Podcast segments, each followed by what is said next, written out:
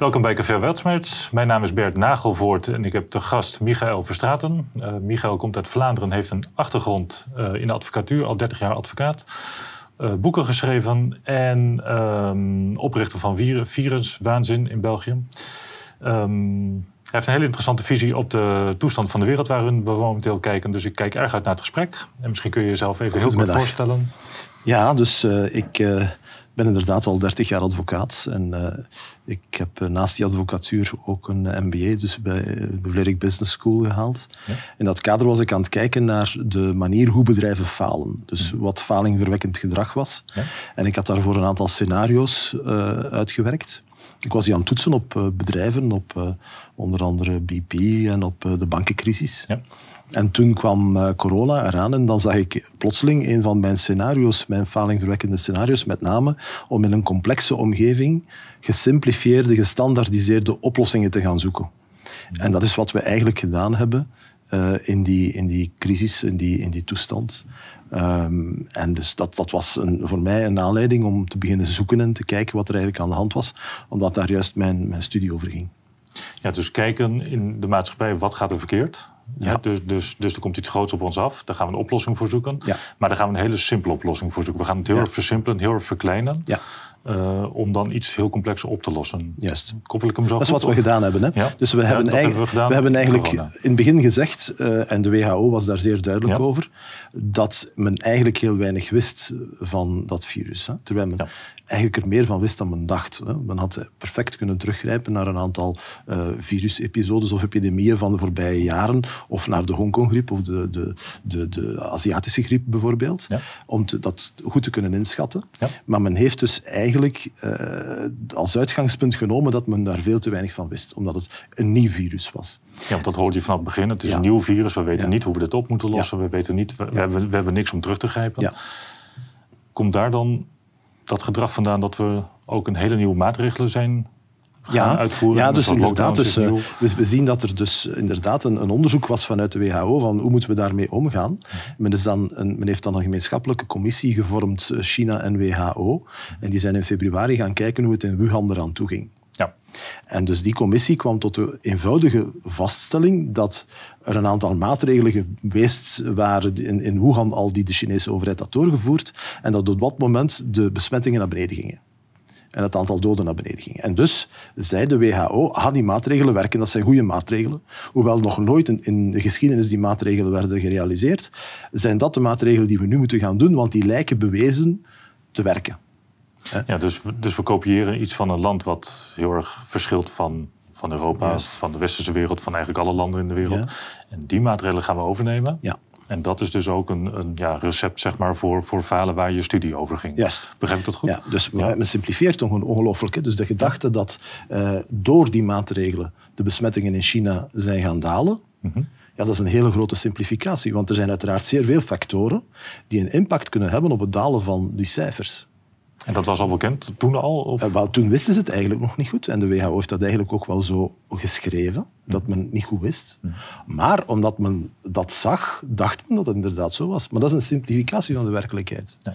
En dan, dat is dus één, één aspect. En dan was er een ander aspect, en dat wordt in mijn boek COVID, Wereldkampioen COVID-19 zeer goed beschreven, is dat dezelfde tijd de groep rond uh, Neil Ferguson, het Imperial College in Londen, die de dichte adviseurs zijn van de WHO en van een heel aantal andere landen. Ja, want hij was adviseur van de Britse regering? Of de... Niet alleen van de Britse regering, van de Amerikaanse regering, van de eh, Franse regering, van de Spaanse regering, van de Belgische regering ook, minstens onrechtstreeks. Uh, dus maar ook van de WHO. Hè. Dus het Imperial College wordt door de WHO geconsulteerd telkens er een epidemie in zicht komt om in te schatten wat de ernst is van die epidemie. Het Imperial College is een, is een college dat wereldbekend is en dat toch wel uh, in de epidemiologie uh, mensen opgeleid heeft. En dus heel veel epidemiologen komen vandaar, kijken naar daar, kopiëren wat uh, het Imperial College aan, aan modellen heeft. En dus die, die zijn modellen beginnen bouwen. En Ferguson heeft toen gezegd in zijn eerste rapporten dat eigenlijk de oplossing daar ligt in sluiting, de sluiting van de scholen, de anderhalve meter samenleving en mensen die ziek zijn blijven thuis. Dat was dus zijn oplossing. Voor welk probleem? Een overweldiging van de intensieve zorg met een factor 30. Ja, dat is waar men toen vanuit ging dat dat zou Dat is wat inderdaad meneer Ferguson dacht dat we één grote golf gingen krijgen, ja. waar 80% van de mensen ging besmet geraken. Ja. En dat die golf ging zorgen voor 500.000 doden in Groot-Brittannië en 2 miljoen in de Verenigde Staten. En dat de intensieve zorg met een factor 30 zou worden overbelast. Dus 1000 bedden zou 30.000 patiënten geven die daar aan de deur staan kloppen. Dat is natuurlijk dat is niet gebeurd, nooit gerealiseerd. Nee, maar dus dat was het uitgangspunt. Ja. Maar dus laten we wel wezen, in zijn eerste rapport schreef hij dat scholen sluiten anderhalve meter en wie ziek is blijft thuis, dat dat voldoende zou geweest zijn om dat probleem op te lossen. Ja. Maar toen kwam Italië, kwam uh, Noord-Italië en toen zag men dat daar de ziekenhuizen overweldigd geraakten. En wat de virologen toen hebben gedaan, is gezegd van ja goed, dan gaan we moeten doen wat de Italianen doen, met name de Chinezen kopiëren. En men heeft dus op dat moment de, de staten geadviseerd, ja, dat zien we zeer mooi in het rapport aan, aan de Franse president Macron, waar men de staten adviseert om toch lockdowns te gaan doen. En in het, de gedachte van de epidemioloog was op dat moment die lockdown een maatregel voor een veertiental dagen. Ze hadden nooit ingeschat dat wij dat veel langer zouden volhouden dan 14 dagen. En dus ze, ze hebben die maatregelen, maatregelen geïntroduceerd. En de politici hebben een heel, heel gevaarlijke reactie gehad. Die reactie was van eigenlijk gewoon klakkeloos over te nemen wat er hen werd gezegd. Waarom? Omdat ze dan geen verantwoordelijkheid lopen. Ja. Als de WHO zegt je moet dat doen, of Ferguson zegt je moet dat doen, is het heel gemakkelijk. Doe wat Ferguson zegt en niemand kan u iets verwijten. Zie wat er met de Zweden is overkomen. Die hebben niet gedaan wat er gezegd werd en die kregen de hele wereld op hun dak. Stel je eens voor dat je de hele wereld op je dak krijgt en dat er dan nog extra doden vallen in je samenleving. Ja, dan mocht je de volgende verkiezingen wel schudden. Ja, dus heb ook wat uit te leggen natuurlijk aan Inderdaad. en dus die angst, die wordt heel mooi beschreven nu in het eh, recente interview van Richie, Sunak in The Guardian, de, ondertussen Britse premier, maar die toen minister van Financiën was in het kabinet van Johnson. Ja. En die zegt dus dat zij geconfronteerd zijn met adviezen van deskundigen, van, van, van hun, hun wetenschappers, die eigenlijk allemaal eenduidig waren, maar die niet toelieten dat er alternatieve meningen werden gezegd. Dus dat die meningen werden buitengesloten, daar mocht niet over gesproken worden. Dat was een soort van omerta die daar heerste. En men moest eigenlijk dat volgen, want wie dat niet volgde was een ketter. En die ketter die zorgde voor meer doden. Ja. Dus dat was de... En dat sluit weer naadloos aan bij wat de Chinezen gezegd hadden. De Chinezen hadden tegen de, de commissie gezegd van kijk, wij hebben als key success factor het feit dat de mensen allemaal in dezelfde richting denken. Iedereen moet die maatregelen inslikken en we moeten allemaal in dezelfde richting denken. Ja, dat beleid zie je ook uitgevoerd als we eventjes naar, naar, naar Nederland hè, of, of, West-Europa kijken, is dat beleid natuurlijk overgenomen. Juist. Maar ik hoor je net ook zeggen dat het niet eens is vanuit, vanuit aansturen, maar meer vanuit angst. Dus politie hebben vanuit angst gereageerd om waar geen extra doden of, of ziekenhuisopnames of wat dan ook. Dus hè, er komt een rapport uit om maar geen verantwoording te kunnen nemen, voeren ze klakkeloos of nemen ze klakkeloos maatregelen over om uit te voeren. Ja, het is zelfs zo erg dat wij gesproken hebben met parlementsleden in die periode en hen gevraagd hebben van waarom doe je dat nu? Want je ziet toch dat die lockdowns niet werken. En het antwoord was, ja, maar ja, wij moeten mee. Wij, kunnen, wij, kunnen, wij zien dat dat niet werkt, maar je, je hebt eigenlijk groot gelijk dat je ons dat allemaal zegt. En moeten mee van Maar wij moeten mee. Wij moeten gewoon, niet, niet, niet omdat ze gestuurd worden, maar omdat ze gewoon schrik hadden om, als ze oppositie zouden voeren, ja. En er zouden veel doden vallen. Ja. Dan zou dat op een dak dan zouden zij daar dus de optie, Of een partij. Of... Voilà, de optie om de WHO te volgen, om de experts te volgen, om het, het, uh, het Imperial College te volgen, mhm. is de minst gevaarlijke oplossing voor een politicus. Dus wij zitten met een generatie politicus die geen ballen aan hun lijf heeft. En dat is het grote probleem. Dus die mensen die durven geen beslissingen nemen die tegen de hoe gemeente ingaat. En, daar staat dus ook, ontstaat dus ook falen dus uit. Hè? Dus ook waar je, je studie over ging. Inderdaad. Omdat men zelf geen verantwoordelijkheid durft te nemen om een richting op te gaan of een richting op te sturen of naar andere geluiden in het veld te luisteren. Dat is een probleem. Ja. Dat is een probleem. In zo'n complexe situaties, hè, Carol Weick heeft daar een prachtig boek over geschreven, over de, de, de, de mindfulness, dus de, de manier waarop men tegen risico's met aandacht aankijkt. Dus niet uh, wooshy-wooshy mindfulness van, van in, in, het... In, ja, gewoon arts misschien. hè? Gewoon, aandacht geven voor risico's. Hoe doet je dat? In beginsel moet men ervoor zorgen dat uw organisatie die daarmee werkt alert is. Dat betekent dat ook dissidente stemmen vooral gehoord worden. Want die dissidente stemmen zouden misschien wel eens gelijk kunnen hebben. Of misschien niet helemaal, maar waren ja, dit in het midden, of dus komt samen tot iets moois. Of... Maar dat is meestal een foute gedachte. De gedachte dat het sowieso in het midden ligt, als meneer, A, meneer A X zegt en meneer B zegt Y, dan ligt het niet in het midden. Nee, maar goed, maar het kan invloed op elkaar maar hebben om het is wel belangrijk van die verschillende standpunten te kennen. Ja, precies. Omdat op die manier je veel beter tot die waarheid komt. Dus die tegenspraak is belangrijk. zonder tunnelvisie te ontwikkelen, waar we dus nu in terecht zijn gekomen. Inderdaad. Tunnelvisie één kant op. Dit is de oplossing, zo gaan we doen. En nu zien we twee jaar later dat een heleboel van die eerste gedachten die we toen hadden, of die ze toen hadden, dat die er dus niet zijn. Juist. Precies. En dus dat is het probleem. Men heeft toen enorm gesimplifieerd. Ja. En plus, door, door het doorvoeren van dat eenheidsdenken, dat eigenlijk een, een quasi-moreel verplicht eenheidsdenken is, en ik refereer daar naar het politiek correct denken en woke, dat ligt daar zeer dichtbij. Je hebt dus een doelstelling, die doelstelling is het vermijden van doden. Ja. En dan wordt er een methode ontwikkeld en die methode die wordt zaligmakend. Dat is wat professor Rudolf Beum, een filosoof, een Duits-Belgische filosoof, ooit de doelmiddelverdraaiing noemde. Dus het doel is de doden vermijden. Ja, doden voorkomen bij corona, maar hoe, hoe en dan heb je het middel, het, de, de, de, manier om daar toe te komen zijn de maatregelen. Hè? Maar die maatregelen worden op de duur doel op zich. Hè? En al wie die maatregelen afvalt, wordt meteen beschouwd als iemand die ook het doel afvalt. Precies. Dus als u zegt van ik ben het niet eens met een lockdown, ah, dan was u een moordenaar en dan wou u meer doden. Maar dat is natuurlijk niet waar. De, de, auteurs van de Great Barrington Declaration hadden eigenlijk veel minder doden. Maar die mensen zijn niet gehoord, zijn opzij gezet. Hè. Er zijn nu toch wel heel duidelijke bewijzen over. En dat is heel boeiend. We zien eigenlijk in de Amerikaanse regering, in de Britse regering en in de Belgische regering eenzelfde manier van werken. dus die, die angst die gecreëerd wordt, een situatie waarbij het quasi onmogelijk wordt om af te wijken van het advies van die experten. En dan de omerta, maar ook de verspreiding van angst. Dus die, die angst die daar in die organisatie zelf zit, wordt eigenlijk geëxtrapoleerd en die angst wordt verspreid over de hele samenleving omdat men denkt dat men door die trigger van de angst de mensen inderdaad in dezelfde richting kan sturen. Dus die mensen moeten allemaal die maatregelen inslikken en iedereen moet in dezelfde richting denken. Met als gevolg censuur enzovoort. En, dus, en dat, is, dat is wat er gebeurd is. En op een bepaald moment... Ja, dus dus de, de politici worden aangestuurd door angst, angstgevoelens, om hmm. maatregelen erin te zetten. Met datzelfde recept ook weer angst voor de bevolking. Yes. Dus je krijgt één grote angstcyclus. Ja. Dat is wat, wat trouwens de Britse, de Britse overheid ook naar aanleiding van de Mexicaanse griep had vastgesteld. En wat ook de Nederlandse, uh, de, de, de, Nederlandse communicatiewetenschappers hebben vastgesteld, naar aanleiding van de Mexicaanse griep, dat er dus een, een spiraal ontstaat. Ja, echt een spiraal. Een angstspiraal. En dat die angstspiraal niet doorbroken wordt. En, en dat is een groot, groot probleem. Maar er is, er is een heel mooi voorbeeld hoe die wel zou kunnen doorbroken mhm. worden. dat is natuurlijk interessant. Hè? Wat, hoe kan het dan ook anders? Hè? Dus Richie Sunak heeft dat, heeft dat heel mooi beschreven. Dus we hadden in 2021, u gaat het zich misschien nog herinneren, in de UK Freedom Day in de zomer. Hè? Toen ze de maatregelen losgelaten hebben. Dat was eigenlijk ongeveer een zestal maanden nadat de Amerikanen zijn beginnen de maatregelen te lossen. In navolging van wat er in Florida gebeurd is met DeSantis. Hè? Dus DeSantis is gaan luisteren naar de, de mensen van de dissidente geluiden, zeg, dissidente geluiden, zeg maar. Die, die, hebben dan doorgang gekregen in heel veel Amerikaanse staten. De Britten kijken naar de Amerikaanse televisie. Hmm. En dus die waren de eerste om hier de, de maatregelen op te heffen met Freedom Day.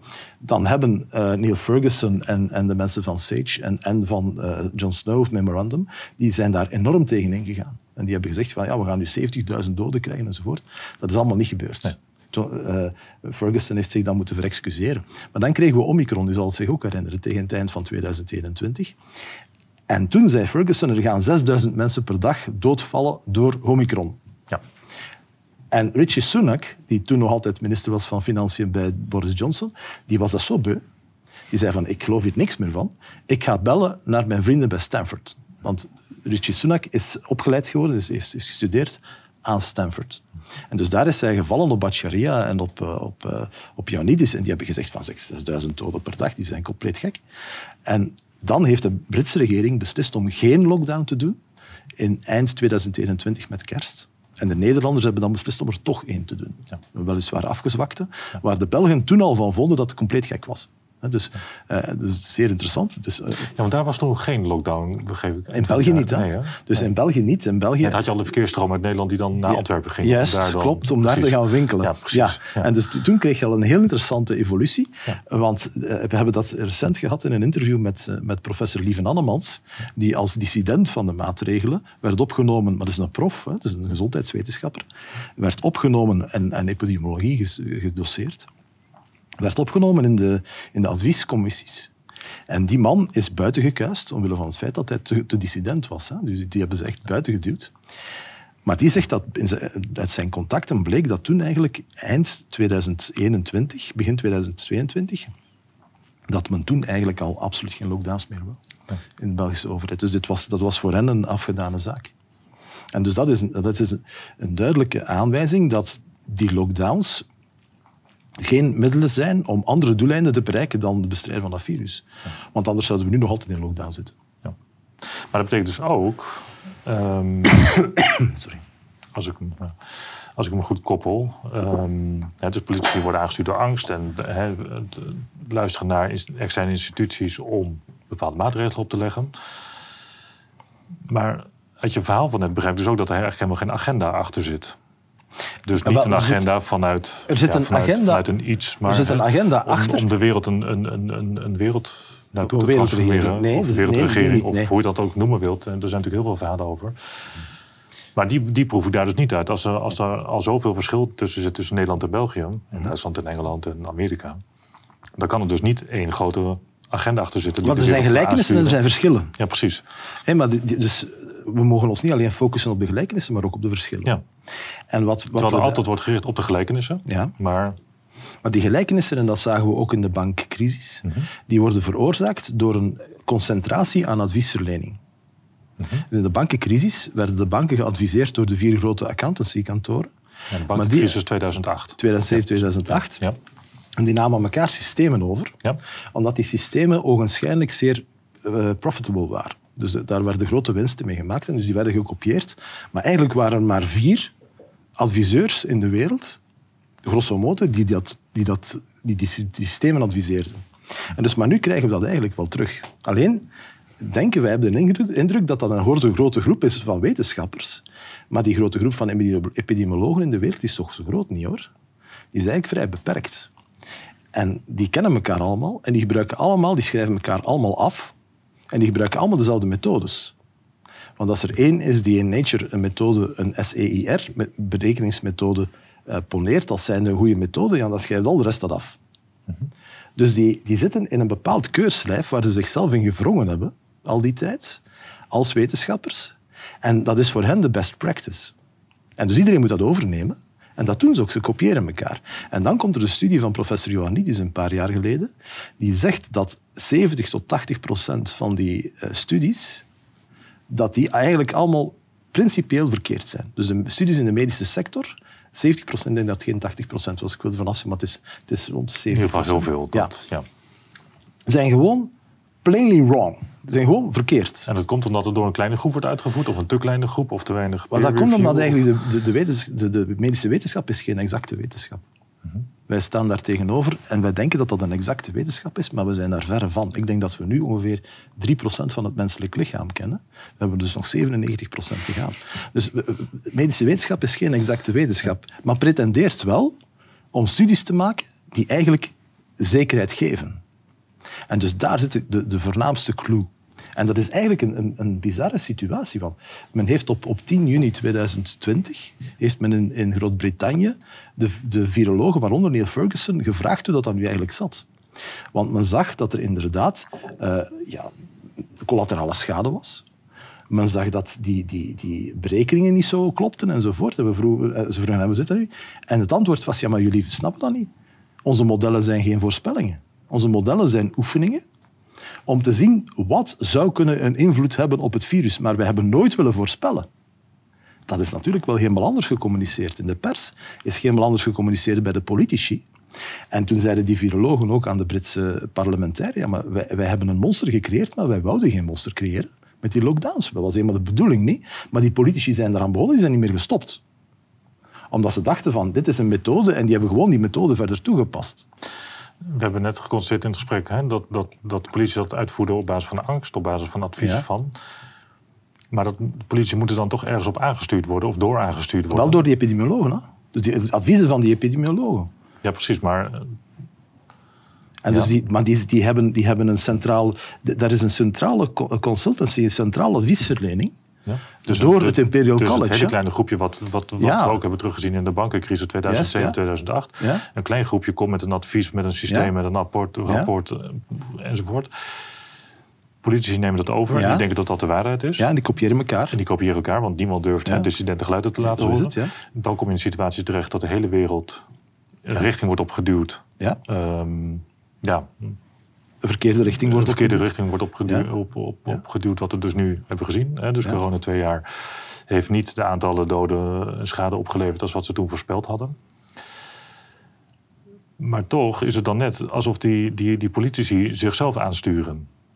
Die sturen ook zichzelf aan. Natuurlijk, er is ook de WHO. Hè? Ja, Dus de WHO of de geeft ook wel directives. Of, of bijvoorbeeld een, een, een kanaal als het WEF. Want dat, dat heeft Ja, maar ik zal daar direct op terugkomen op WF. Dat, dat, nog één klein stukje, nog één klein stukje over de. WHO. Ja, Op een bepaald moment zegt de WHO dat ze geen lockdowns meer willen. Dat is al Ja, in de herfst van klopt. 2020. Politici hebben daar niet naar geluisterd. Hè? Ze hebben nog altijd lockdowns bevolen.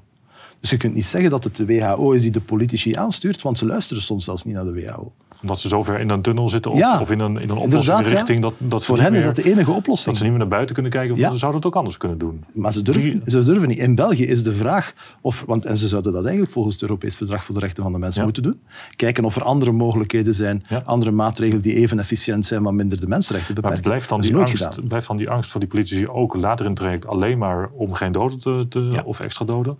Of is het ook angst voor elkaar of, of, of hoe heet Ja. dat, cognitieve dissonantie, dat je uiteindelijk zo ver bent, een richting bent opgegaan dat je niet meer naar buiten durft te kijken? Maar dat is zo. Hè. Dus je ziet inderdaad bij die politici, wat dat wij ook in hospitalen gezien hebben, Ja. dat mensen die, die durven af te wijken van, van het eh, normaal, hè, eh, dat die echt als paria's beschouwd werden en buitenspel gezet werden. En dat, dat, dat is zeer verregaand Een hele, geweest. hele strakke denkrichting. een heel strakke denkrichting. Precies. We hebben eigenlijk de heksen verbrand zoals we dat in de middeleeuwen gedaan hebben.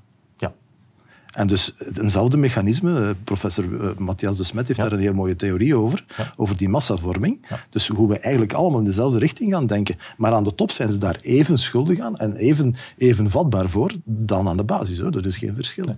En, en dan de rol van 2F. Nou, dat, een dat hoor je heel veel in de, in de reguliere media. Hè, van, het, het is een com- complot, wat is een complot? Maar goed, het is een complottheorie dat, dat politici alle landen worden aangestuurd. Eén richting, één wereldregering, één Ja.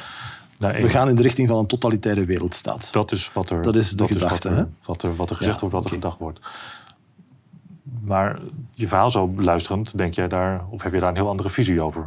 Maar eigenlijk is, het nog veel, dat, nog, eigenlijk is het nog veel gemakkelijker. Nog gemakkelijker. Ja, Oh. want dit is, een, dit is een, laten we zeggen, een complottheorie. Er is een complot om een wereldregering Ja. te maken. Het hoeft nog niet eens een complot te zijn.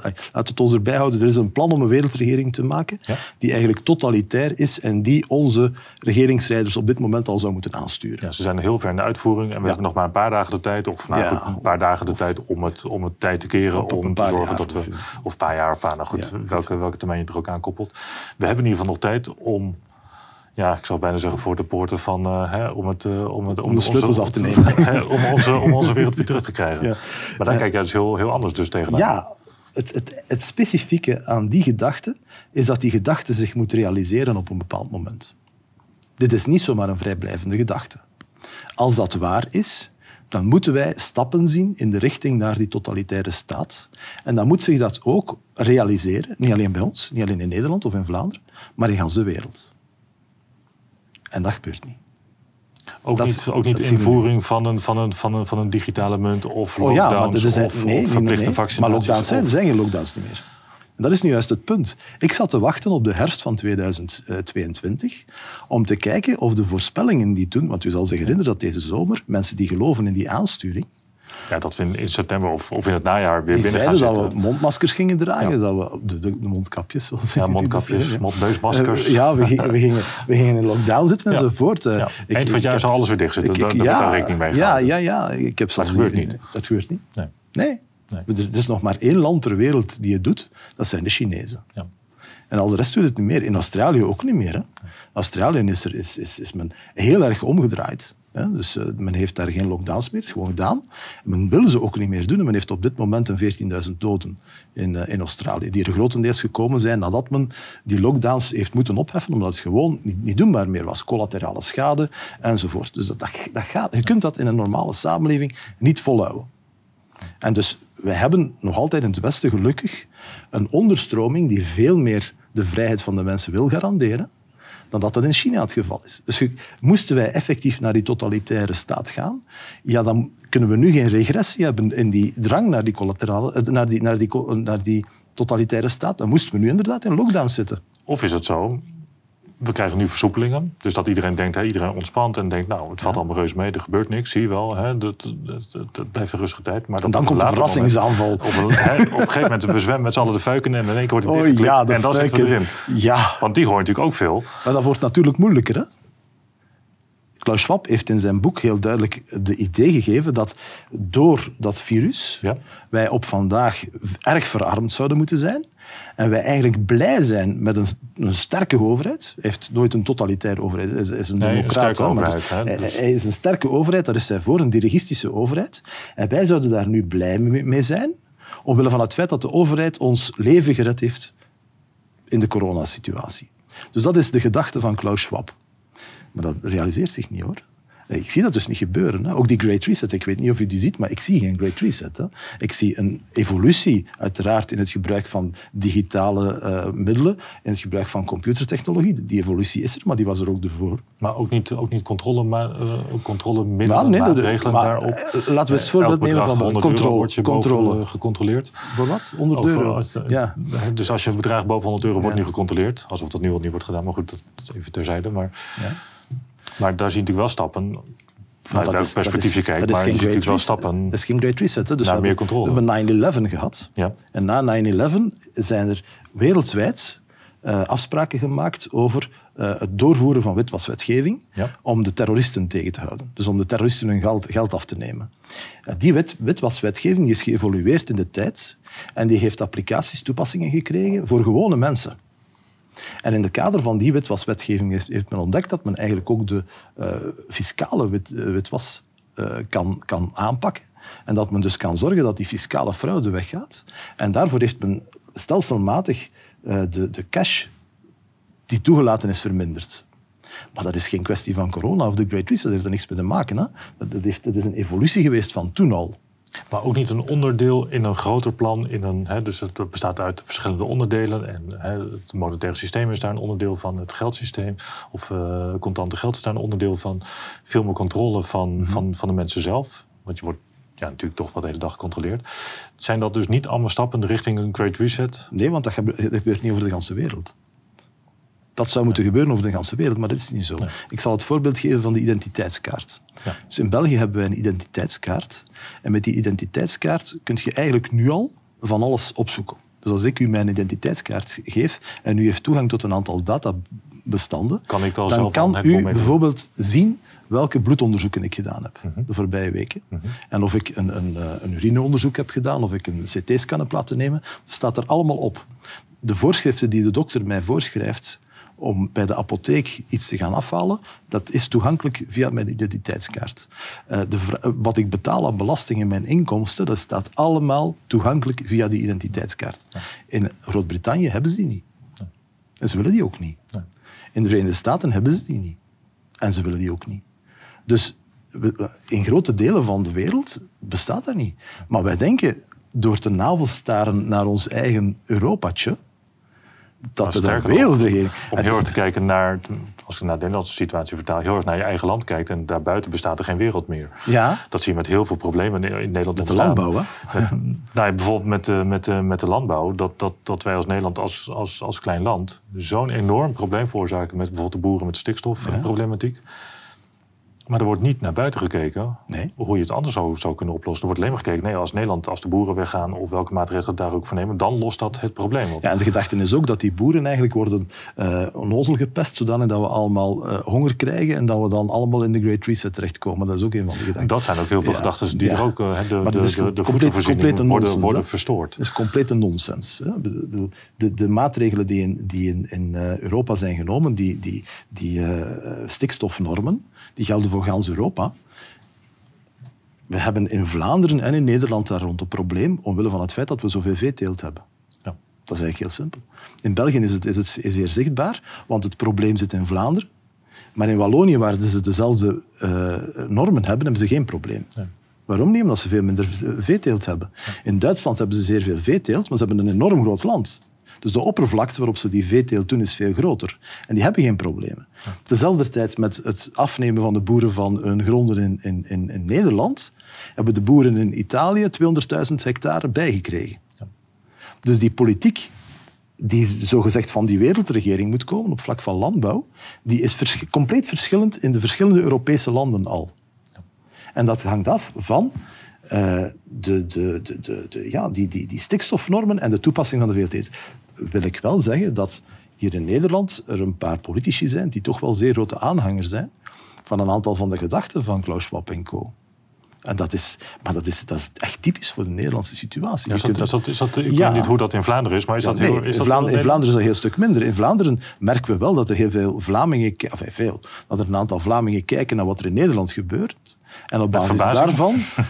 Met verbazing misschien? Nee, nee, nee. Of, en kopiëren wat er gezegd wordt. En dus in, in, Vlaanderen hetzelfde komen zeggen. En dan telkens verwijzen naar de voorbeelden wat er in Nederland gebeurt. Maar niet wat er in Vlaanderen gebeurt. En dus, dus, dus, wij kijken te veel naar onze eigen navel om te denken dat er dan een wereldregering is. Dat is gewoon mis. Ook bijvoorbeeld die Agenda 2030, hè, die zou uitgerold worden. Die natuurlijk ook heel, dat is, heel veel voorbij komen. Dus naast de Great Reset, Agenda 2030. Um... Ehm, de meeste mensen die dat zeggen, hebben hem niet eens gelezen, die Agenda 2030. Mhm. Je moet die eens lezen. Dat is... Dat is ja, dat, dat is wishful thinking. Hè? Ja dat, dat staat in dat wij meer gendergelijkheid moeten hebben. Op vlak van landbouw willen we meer familiale bedrijven. Dus dat is het tegenovergestelde van wat men hier in Nederland doet. Uh, daar staat in dat we de armoede uit de wereld moeten helpen, dat we de, de, ziektes uit de wereld moeten helpen. Dat zijn allemaal doelstellingen die zouden moeten gerealiseerd worden in 2030. Wel, de realiteit is dat we meer armoede hebben, dat we minder gezonde mensen hebben, dat we meer uh, honger hebben, dat we meer, meer genderongelijkheid hebben, zeker door de corona. Maar daarmee verkondig je natuurlijk wel een, een, heel andere mening als wat in, regulier, in reguliere media actief is, want 2030-agenda is slecht. Ja. Gewoon even heel, heel kort samengevat. Hè. Ja, weet je, ik, ik, ik, ben nu in België gestart op mijn Facebook. Maar hoe kijk jij er tegenaan? Ik ben al een paar, paar weken... Is, zijn het dan wel goede initiatieven, een 2030-agenda? Of? Sommige dingen wel, sommige dingen niet. Ja, precies. Uh, maar we moeten het niet zo vereenvoudigen. Hè? Dus ik, ik probeer nu dus in België de voorbije weken... De kern, inderdaad. De, de, de, voorbije weken probeer ik met mensen die geloven dat die 2030 minutieus wordt uitgerold, ja. te zeggen van oké, we gaan hem samen lezen. We hebben dan samen uh, op Facebook uh, de stukken eruit gehaald en gelezen en gezegd van ja, maar dat, dat realiseert zich niet. En dan krijg ik als reactie, ja, maar dat is niet Agenda 2030. Agenda 2030 is eigenlijk wat er niet staat. Er is een andere agenda naast de agenda die de agenda is. En het is eigenlijk die agenda die je moet, moet bekijken. En die zegt het tegenovergestelde van de agenda. Hm. Oké, ja, maar zo graag je nooit uitgepraat. Dat heeft geen zin. Hè? Nee. Bedoel, uh, nee, het is natuurlijk ook welk perspectief je aanhangt. En dan zie je natuurlijk vanzelf dingen steeds voorbij komen. Zie je wel, zie je wel. Hè? Dus je wordt bevestigd in een perspectief wat je al hebt. Als je naar de wereld naar buiten kijkt. Ja, maar het probleem is dat als je echt goed kijkt, dat dat zich niet realiseert. Onze premier De Croo, heeft nu op de, op de top in, uh, in Sharm el-Sheikh gezegd dat die agenda van Parijs zich niet zal realiseren. Dus het, gaat, het, het, wordt niet gerealiseerd. Maar dat is eigen aan de meeste van die internationale organisaties. Die brengen heel veel poeha en, en heel veel wind en heel veel verklaringen naar buiten en plannen en, en, en boekjes en van alles en nog wat. Er gebeurt niks. Ik weet niet of u die, die, die, die uh, stukken, die documenten die, de, die hier in, in, in, uh, Nederland over die hubs, over die landbouwhubs... Die voedselhubs. Uh, ja, of die, die ja. ik weet niet of u die al eens gelezen hebt. Maar dat is, dat is hilarisch. schuldig blijven helaas, maar... Dat is hilarisch, hè?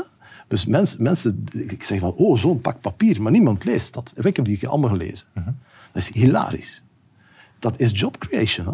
Dat zijn een paar ambtenaren en een paar typen van het WF die aan jobcreatie doen en die hele ronkende verklaringen en, en ganse theorieën bouwen over hoe dat die innovatie op landbouwgebied dat dat moet gebeuren met, allerlei buzzwords en, en dan en tekeningsjes en grafieken en van alles en nog wat. Krijgt er heel veel tijd in en dan gaan ze samen een colloquium houden in het buitenland. Dan moeten ze er allemaal naartoe. Dat kost handen, bakken geld.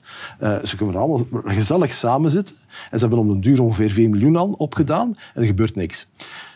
Maar hoe koppel je dat dan aan, aan, aan, het, aan het vereenvoudigen. Dus dat, is- dat, dat is heel complex maken van, maar dit is, van dit, de is, dit, is, dit is iets anders. Dit, dit, is, dit, is, dit is het omgekeerde. Ja, precies, want- zaken veel te complex. Ja, Geef die 4 Want ze maken miljoen, het veel te complex. juist, Maar- geef die 4 maar miljoen aan 10 wetenschappers en je hebt innovatie. Ja, maar dat, Dat, dat is haast een tegenspraak met, met, met wat je net zegt, dat alles eenvoudiger moet. Ja, maar dat doen ze niet altijd. In mijn zes scenario's zijn er verschillende scenario's. Ja, precies, ja. Bijvoorbeeld de, de, de, de Amerikaanse auto-industrie is al een paar keer failliet gegaan, Ja, omdat ze in een zeer eenvoudige situatie complexe oplossingen zoeken.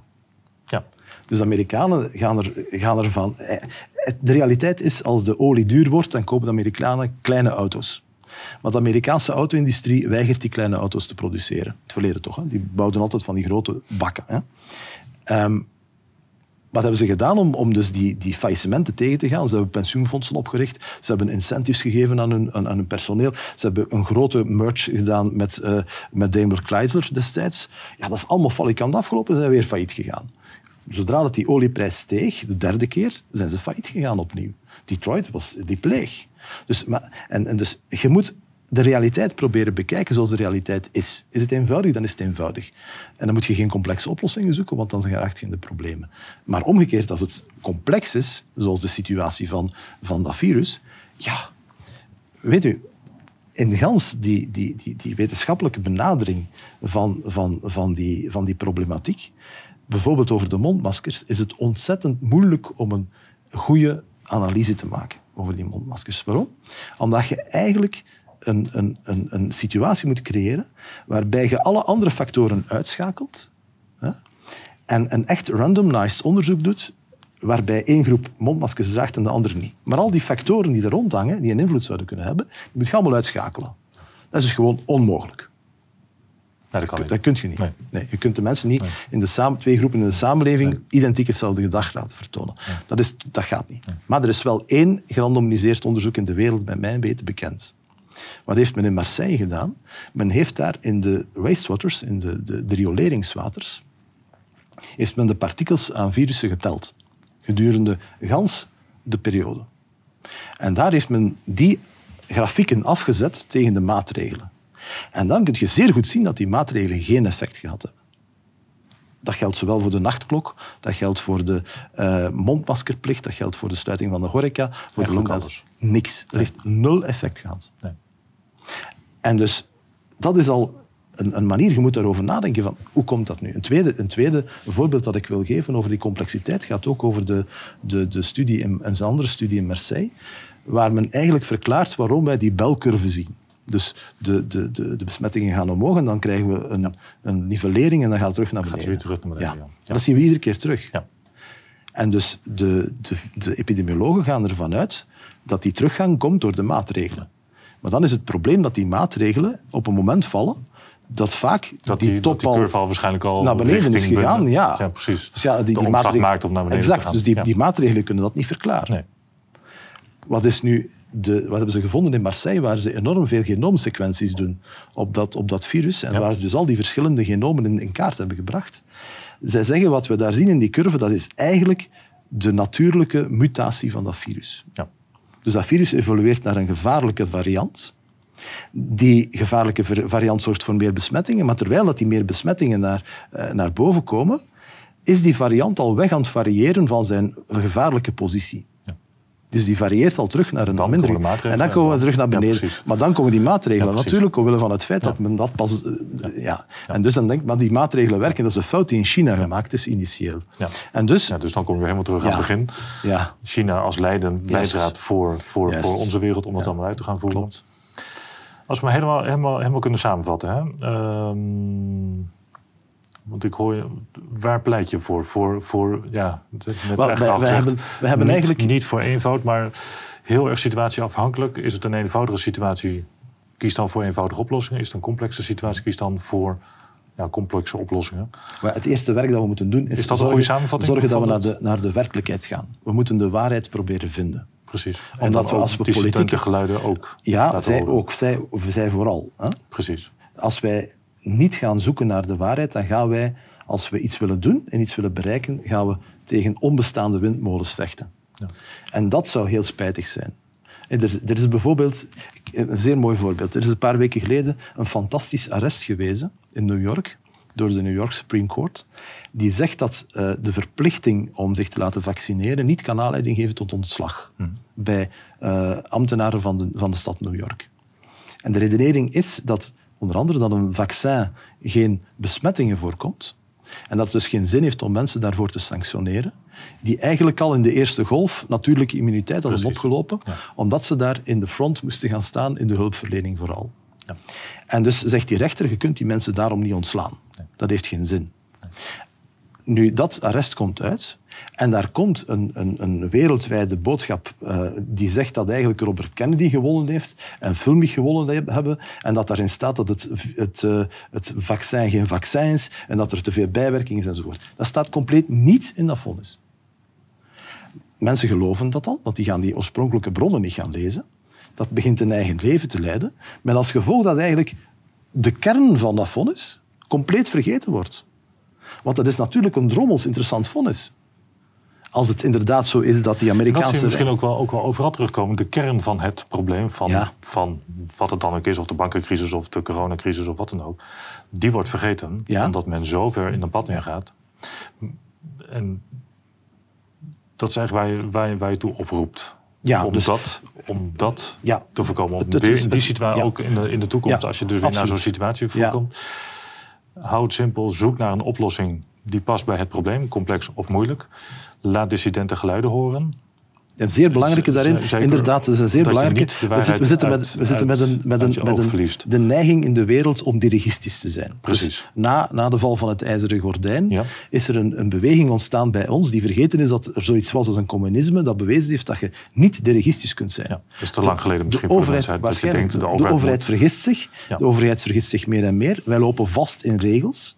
De Europese Unie kan geen beslissingen meer nemen die deftig zijn, want ze moeten met 27 akkoord gaan. Er staan overal procedures voor. Het loopt vast. Het is één soep geworden. Ja. Het enige dat wij kunnen doen is zorgen dat de mensen terug hun eigen vrijheid krijgen, dat we minder afhangen van die overheid en dat we die overheid zeer sterk reduceren. Ja. Dat is, eigenlijk ook iets wat de mensen zelf ook kunnen doen. Gewoon veel meer hun eigen pad volgen, hun gevoel volgen. Hun... Juist, maar daarvoor moet die overheid dringend naar beneden. Dus in de plaats van ze de, de neiging te doen krijgen van nog meer dirigistisch te zijn en nog meer ons te, te besturen met allerlei stomme verkeerde maatregelen, Moeten we het omgekeerde doen en moeten we die overheid echt serieus afslanken? Burgerlijke ongehoorzaamheid? Nee, nee. Die overheid moet gewoon afslanken. Ja. Wij, de overheid moet geen treinen meer organiseren. Hoe belachelijk is dat? Zo'n monopolie op treinen. Jullie zijn fantastisch bezig in Delft met, met, uh, met die, die, die tunneltransports, hè, met die, met die, met die maglev-technologie. Dat moet, dat moet gestimuleerd worden. Dus hè? veel meer aan de markt overlaten? Ja, wij moeten van die monopolies af. Dat moet stoppen. Men zegt, eh, eh, in België zijn er partijen die pleiten om de, de de, energiemarkt te nationaliseren. Want, zeggen ze, uh, de privé heeft het verkeerd gedaan. Ah nee, nee, nee, nee sorry. de prijzen lopen zo hoog, want dat hoor je net ook, de prijzen lopen zo hoog, ja, dus het moet genationaliseerd worden. Ja, dat denken ze, maar het is verkeerd. Hè? De prijzen lopen zo hoog omdat de politici er een, een, een rommeltje van hebben gemaakt. Het zijn de politici die de gasproductie in Europa hebben gestopt. Of toch proberen stoppen zoveel mogelijk. Waardoor we nog meer afhankelijk werden van de Russen.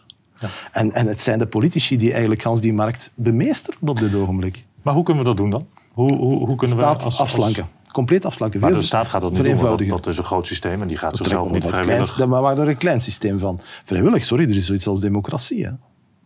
Maar die zie je verminderd terug, omdat... Waarom zien we die verminderd terug? Als wij morgen beslissen, zoals, zoals eh, in, in, in Alberta, mhm. om politici te verkiezen die zeggen van kijk, het is gedaan, hè. Wij gaan naar een kleine staat en we gaan ermee stoppen. Hè. Met al die regeltjes. Ja, dan doen wij dat gewoon. Hè. What's the problem? Ja. Interessant. een mooie afsluiting, denk ik, van dit, uh, van dit gesprek.